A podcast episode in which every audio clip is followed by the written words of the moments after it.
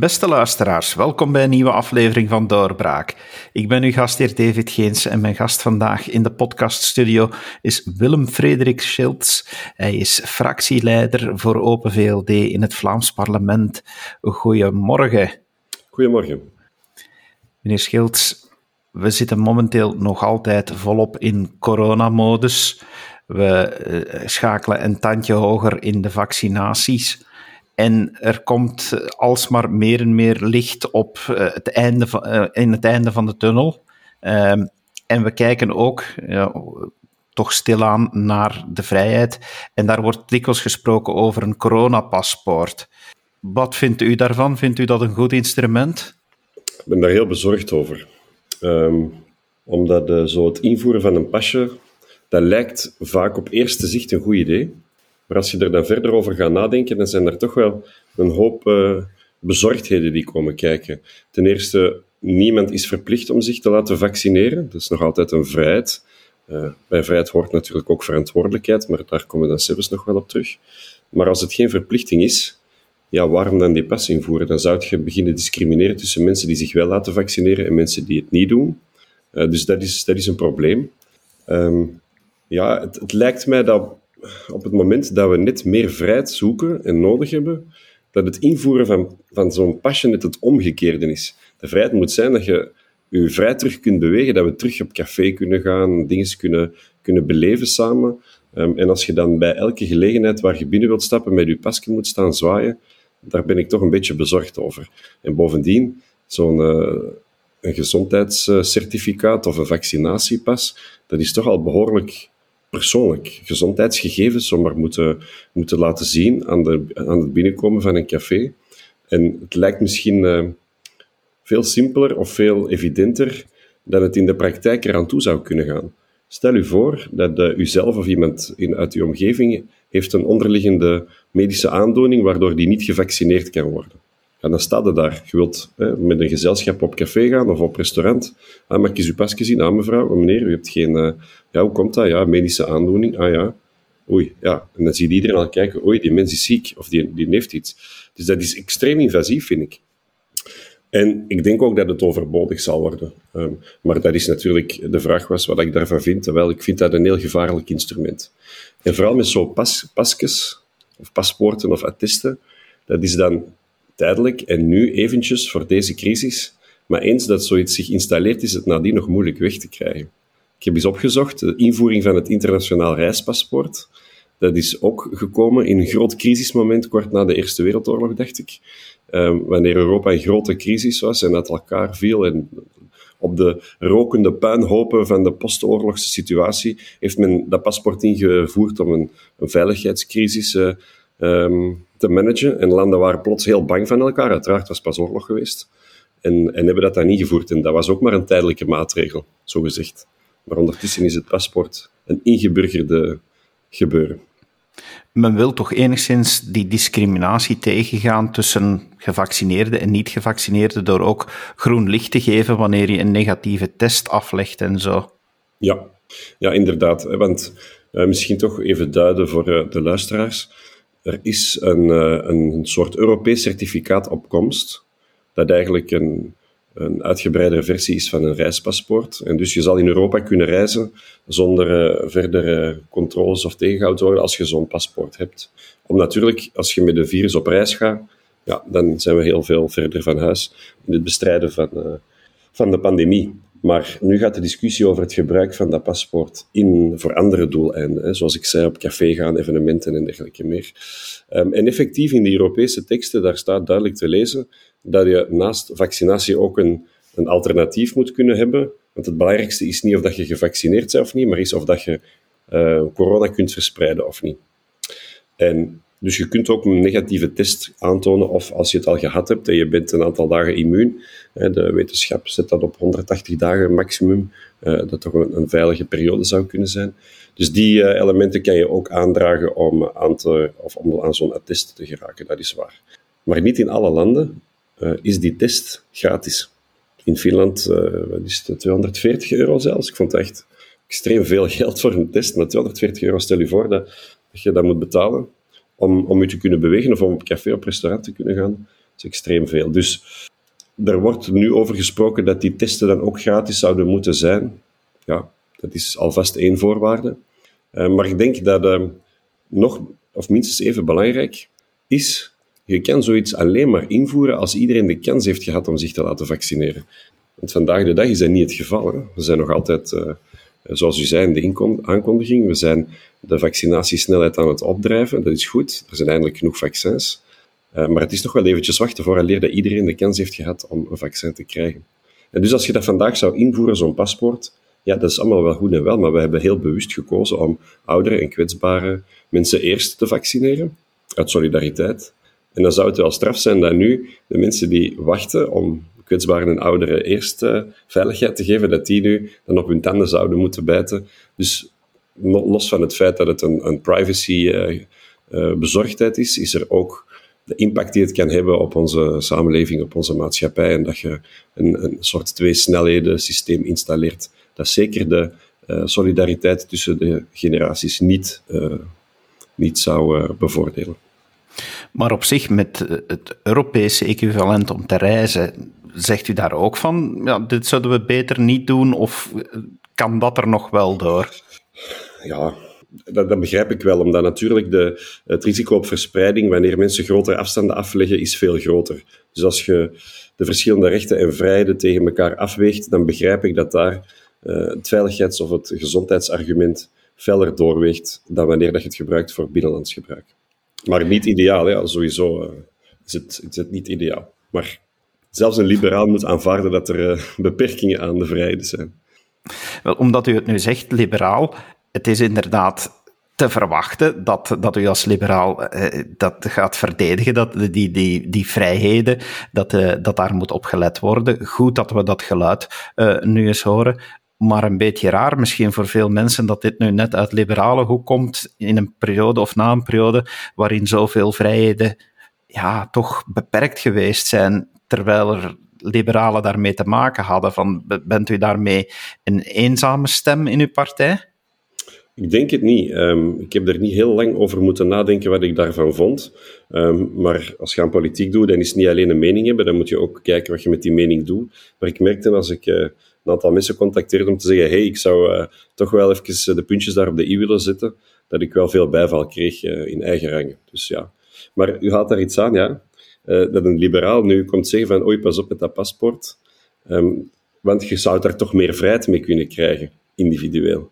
Dat is zo een, een zeer eh, fascinerende paradox. Dat het invoeren van een pasje lijkt meer vrijheid te brengen.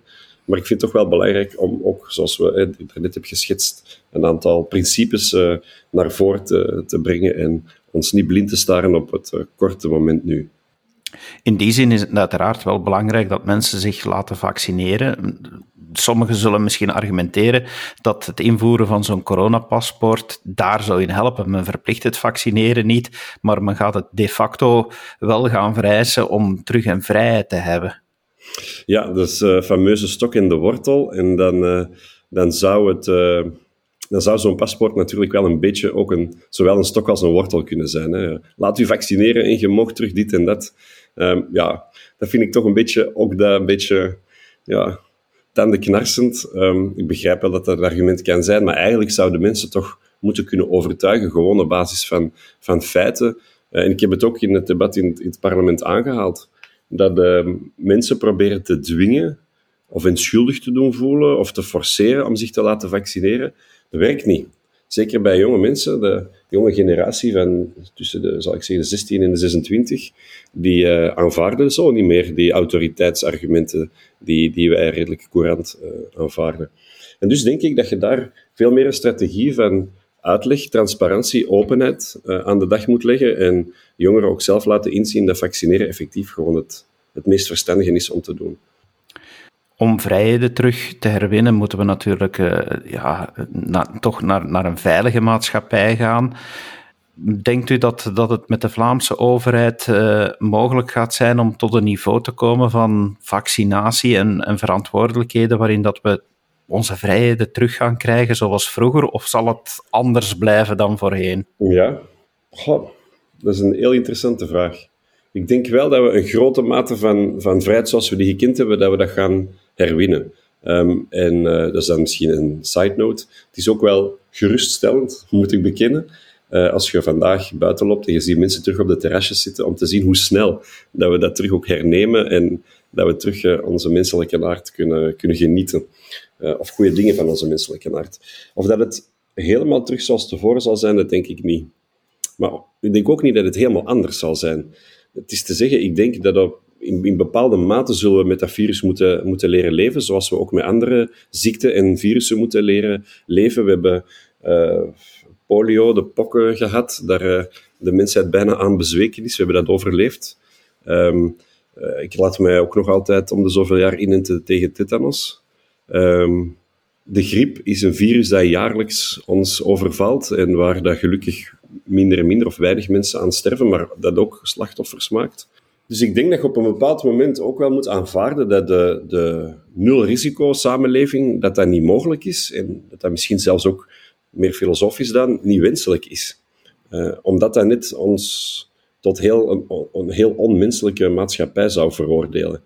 Maar goed, het is nu een nieuw virus, hè, dat uh, veel virulenter was, dat uh, heftig is en grote schade aanricht, veel een hoog dodental eist. En dus ja, is het nu aanpassen geblazen geweest. Maar ik denk na de crisis dat het dan toch zoeken is om een zo hoog mogelijke vrijheidsgraad, zoals we die gewoon zijn, te kunnen benaderen. En dan waar dat die juist komt te liggen, dat zal ook een, een, een maatschappelijk debat vergen. Een ethisch debat, ja. Wat aanvaarden we als risico? In die zin ook een interessante discussie is misschien het feit van, oké, als overheid eh, niet invoeren van die coronapas, het niet gaan vereisen voor evenementen en zo, maar dan het omgekeerde. Eh, organisatoren die het wel gaan eisen, eh, moet er daar dan een verbod op komen? Moet de overheid dan die kant op gaan? Ga ja, voilà. Daar, nu zijn we er. Um, in principe, als uh, en iemand die een evenement organiseert, die mag wel een aantal voorwaarden stellen aan de, aan de, aan de toegang. Uh, bijvoorbeeld, je moet een ticket hebben, je moet daarvoor betaald hebben. Um, je mocht geen wapens meebrengen, je mocht geen illegale dingen doen en zo verder. Uh, maar je moet natuurlijk heel erg opletten dat je niet begint te discrimineren. Uh, dat is in het verleden ook al, daar is ook al veel rechtspraak over geweest. als je iets organiseert, dan moet je op voorhand duidelijk maken wat de bedoeling is van je evenement. En dan mag je daar niet, uh, niet in discrimineren. Dus zou je sowieso, denk ik, niet mogen eisen, wanneer de wet het u niet uh, oplegt of toestaat, dat dat kan. Um, we zijn natuurlijk nu nog aan het zoeken. Hè? En je ziet dan dat het organiseren van festivals, massabijeenkomsten, oh ja, dan zou zo'n paspoort toch, of zo'n attest misschien toch nuttig kunnen zijn om niet heel de uh, aanwezige bevolking te moeten testen. Want als je al getest bent, of als je al... dan is dat niet dat je... Maar pas op, hè. Dan is het niet dat je niet binnen mocht zonder attest, maar dan is het dat je dat attest gebruikt om uh, de toegangsprocedure te versnellen. Dus je komt daar zo dicht als je maar kunt op het, op het randje, maar dat is nog wel verstandig. Omdat het heel duidelijk is, het hebben, al dan niet hebben van zo'n attest vormt geen uh, voorwaarde om toegang te krijgen. Dat is wel verstandig. En dat moeten we ook in de gaten houden. Het is het onderliggende. Ben ik negatief?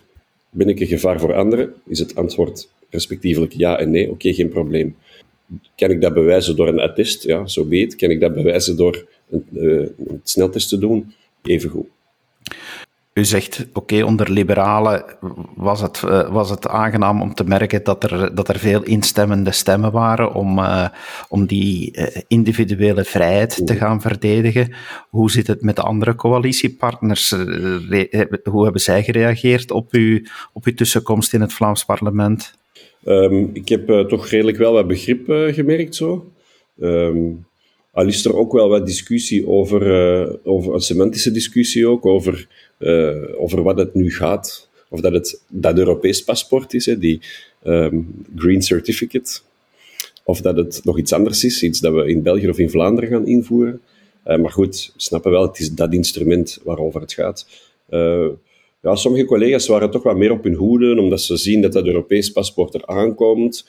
En gaan we dat dan wel kunnen tegenhouden? En je merkte dat nog niet iedereen, of dat het debat nog niet ten einde was. Dat het door mijn vragen en door een opmerkingen die gemaakt werden, dat het debat net op gang begon te komen. We hebben Wouter Beke gezien, die gelukkig ook al meteen duidelijk maakte... En, uh, sowieso moet iedereen eerst de kans gehad hebben om zich te vaccineren. Dat is los van alles is dat een, fundamentele vereiste. En dat is geruststellend natuurlijk. En ik heb dan ook gezien dat nadien hij in de pers ook heeft aangegeven dat het inderdaad beter is om ons daar niet op te focussen en we beter kunnen uh, alle energie steken in het zo hoog mogelijk, uh, of de vaccinatiegraad tenminste zo hoog mogelijk krijgen. Dus ik voel wel, wel wat, bij, wat bijval. Maar ja, iedereen laat het achterste van zijn tong zien, of misschien ook niet alle partijen uh, hechten daar zo'n zo'n belang aan. Dat is ook helemaal prima. Maar het debat is aangetrokken en ik verwacht dat dat nog wel uh, een paar keer zal terugkomen. In de discussie breder dan alleen natuurlijk dit corona-attest of coronapaspoort, is er ook al af en toe gezegd, ja, Vlaanderen heeft, heeft een andere snelheid nu van vaccineren dan de andere deelstaten. Vindt u dat Vlaanderen op een gegeven moment andere exits moet, uh, moet plannen dan de andere deelstaten, of zouden we toch beter in één geheel reageren? Ik heb daar eigenlijk geen uh, uitgesproken, uh, of toch, toch geen ideologische reden over. Ik denk dat je dat heel praktisch en zakelijk moet be bekijken, toch in eerste instantie. Um, ik heb de indruk trouwens dat Wallonië een, een, inhaalmanoeuvre heeft gemaakt en dat daar de vaccinatiegraad en snelheid ook op tempo komt. In Brussel zijn er nog wel wat bezorgdheden, dat is duidelijk. Daar wordt ook specifiek op gefocust om dat ook omhoog te krijgen. Um, ik zou het voorlopig nog heel even aankijken en zien hoe dat die cijfers, die vaccinatiecijfers evolueren. En ja, je kunt dan zeggen, uh, we gaan dan die vrijheden ook gefaseerd of, of, op een andere manier lossen of de exit anders organiseren. Ik denk dat dat niet zo evident is. Ook omdat je dan opnieuw weer bij die grotere vrijheden in Vlaanderen ook weer beperkingen moet, moet opstellen. Dus als ik dan naar Wallonië wil gaan, oei, ja, moet ik daar mijn vaccinatiepaspoort bij hebben, bij wijze van spreken. Uh, dus ik heb liever dat het allemaal samen kan. Gewoon puur voor de praktische, uh, de praktische gang van zaken. Ja, dat zou, ik, dat zou mijn voorkeur verdienen. Maar opnieuw daar eerst eens even kijken wat die cijfers... Uh, als die nu dramatisch uit elkaar beginnen lopen, ja, dan zal er allicht een heel ander overlegcomité plaatsvinden dan dat dat nu is geweest. Hè. Want bij het laatste was het wel goed om te zien dat de Vlaamse regering haar huiswerk heel degelijk gemaakt had en ook de andere regio's heeft kunnen overtuigen om in grote lijnen het, het zomerplan te volgen. Kortom, u vindt ook dat we nu stilaan de omslag moeten maken van een collectieve verantwoordelijkheid naar meer individuele verantwoordelijkheid? Ja, ik denk dat dat langzamer begint aan te komen, ja. ja. En ik heb het ook gezegd in het, uh, in het parlement, er komt een moment dat je, uh, als je aan iedereen de kans hebt geboden om zich te laten vaccineren, en mensen moeten ook vrij die keuze kunnen maken. Een vaccin is een, een vrij invasieve ingreep in je lijf. Hè. Ze steken daar een naald in en spuiten daar een uh, vloeistof in. in. Goed, dat gebeurt wel meer als je bij een dokter een griepspuit gaat halen. Ja, dat is ook een vaccin. Maar goed, ik wil maar zeggen, principieel is het belangrijk dat mensen de mogelijkheid hebben om, om te weigeren. Ik ken in mijn omgeving uh, iemand die zegt, dat is heel principieel, ik wil het niet. Ik begrijp dat andere mensen dat willen en ik ben blij dat mijn eigen, zijn eigen of moeder dat, dat wel heeft gedaan, maar voor mij hoeft het niet. En ik vind dat belangrijk om dat te kunnen zeggen. Oké, ja, dus, dat vind ik ook, dat moeten wij verdedigen. Maar natuurlijk, daar komen ook verantwoordelijkheden mee. Dat wil zeggen, als je ziek wordt, dan is het ook je eigen schuld. Dat wil niet zeggen dat we u laten vallen of laten doodgaan, bij wijze van spreken. Maar dan dringt zich wel die uh, morele of die ethische discussie op. Als je de kans hebt gehad om je te laten vaccineren, en je kunt deelnemen aan de maatschappij, uh, doordat je kunt met uh, sneltesten en zo verder laten zien dat je negatief getest bent. En stel dat er toch van alles gebeurt, een andere calamiteit. En ineens liggen de ziekenhuizen vol. En dan is er iemand die zich niet heeft laten vaccineren en die toch COVID heeft gekregen. Ja, en je moet gaan triëren. Dan dringt zich natuurlijk die vraag op, is dat dan niet het moment waarop dat die individuele verantwoordelijkheid ook aan bod komt? En dan denk ik dat het antwoord ja moet zijn. Maar opnieuw, dat is niet bij het minste. Hè. Dan moet je wel die verantwoordelijkheid, die, uh, die, die, hoe moet ik het zeggen? Die zorgt er niet voor dat je ineens je in een soort uh, hypergevaarlijke toestand uh, plaatst. Er zijn ook mensen die gevaarlijk gedrag vertonen, uh, die ongezond eten, die, die gevaarlijke sporten doen. Die mensen, die ontzeggen we ook niet alle zekerheden die onze maatschappij biedt. Um, maar ja, in Engeland bijvoorbeeld, als je als roker een, een longtransplantatie krijgt, omdat je longkanker hebt gehad, als je dan blijft roken, dan is er geen tweede longtransplantatie. Wat dan natuurlijk logisch is, maar dat zijn zo de graden van verantwoordelijkheid die je denk ik wel mocht mocht uh, eisen van de mensen. Dat is duidelijk, meneer Schild. Uh, het is uh, goed om eens even stil te staan bij, bij de individuele verantwoordelijkheid uh, en uh, hoe we terug als maatschappij kunnen gaan functioneren zonder dat we daar een Big Brother moeten, moeten bijzetten om, uh, om te waken over onze individuele beslissingen. Dank u wel voor de toelichting die u hebt gegeven in de podcast. Heel graag. Het vliegt voorbij. Het was een, een eer en een genoegen om hier te zijn. Dank u wel. Er zullen nog wel mogelijkheden komen. Beste luisteraar, u bent ook bedankt om te luisteren en graag tot een volgende keer. Dag. Dit was een episode van Doorbraak Radio, de podcast van doorbraak.be. Volg onze podcast op doorbraak.be/radio of via Apple Podcasts, Overcast of Spotify. Bezoek ook onze website op doorbraak.be en steun ons door een vriend te worden van Doorbraak.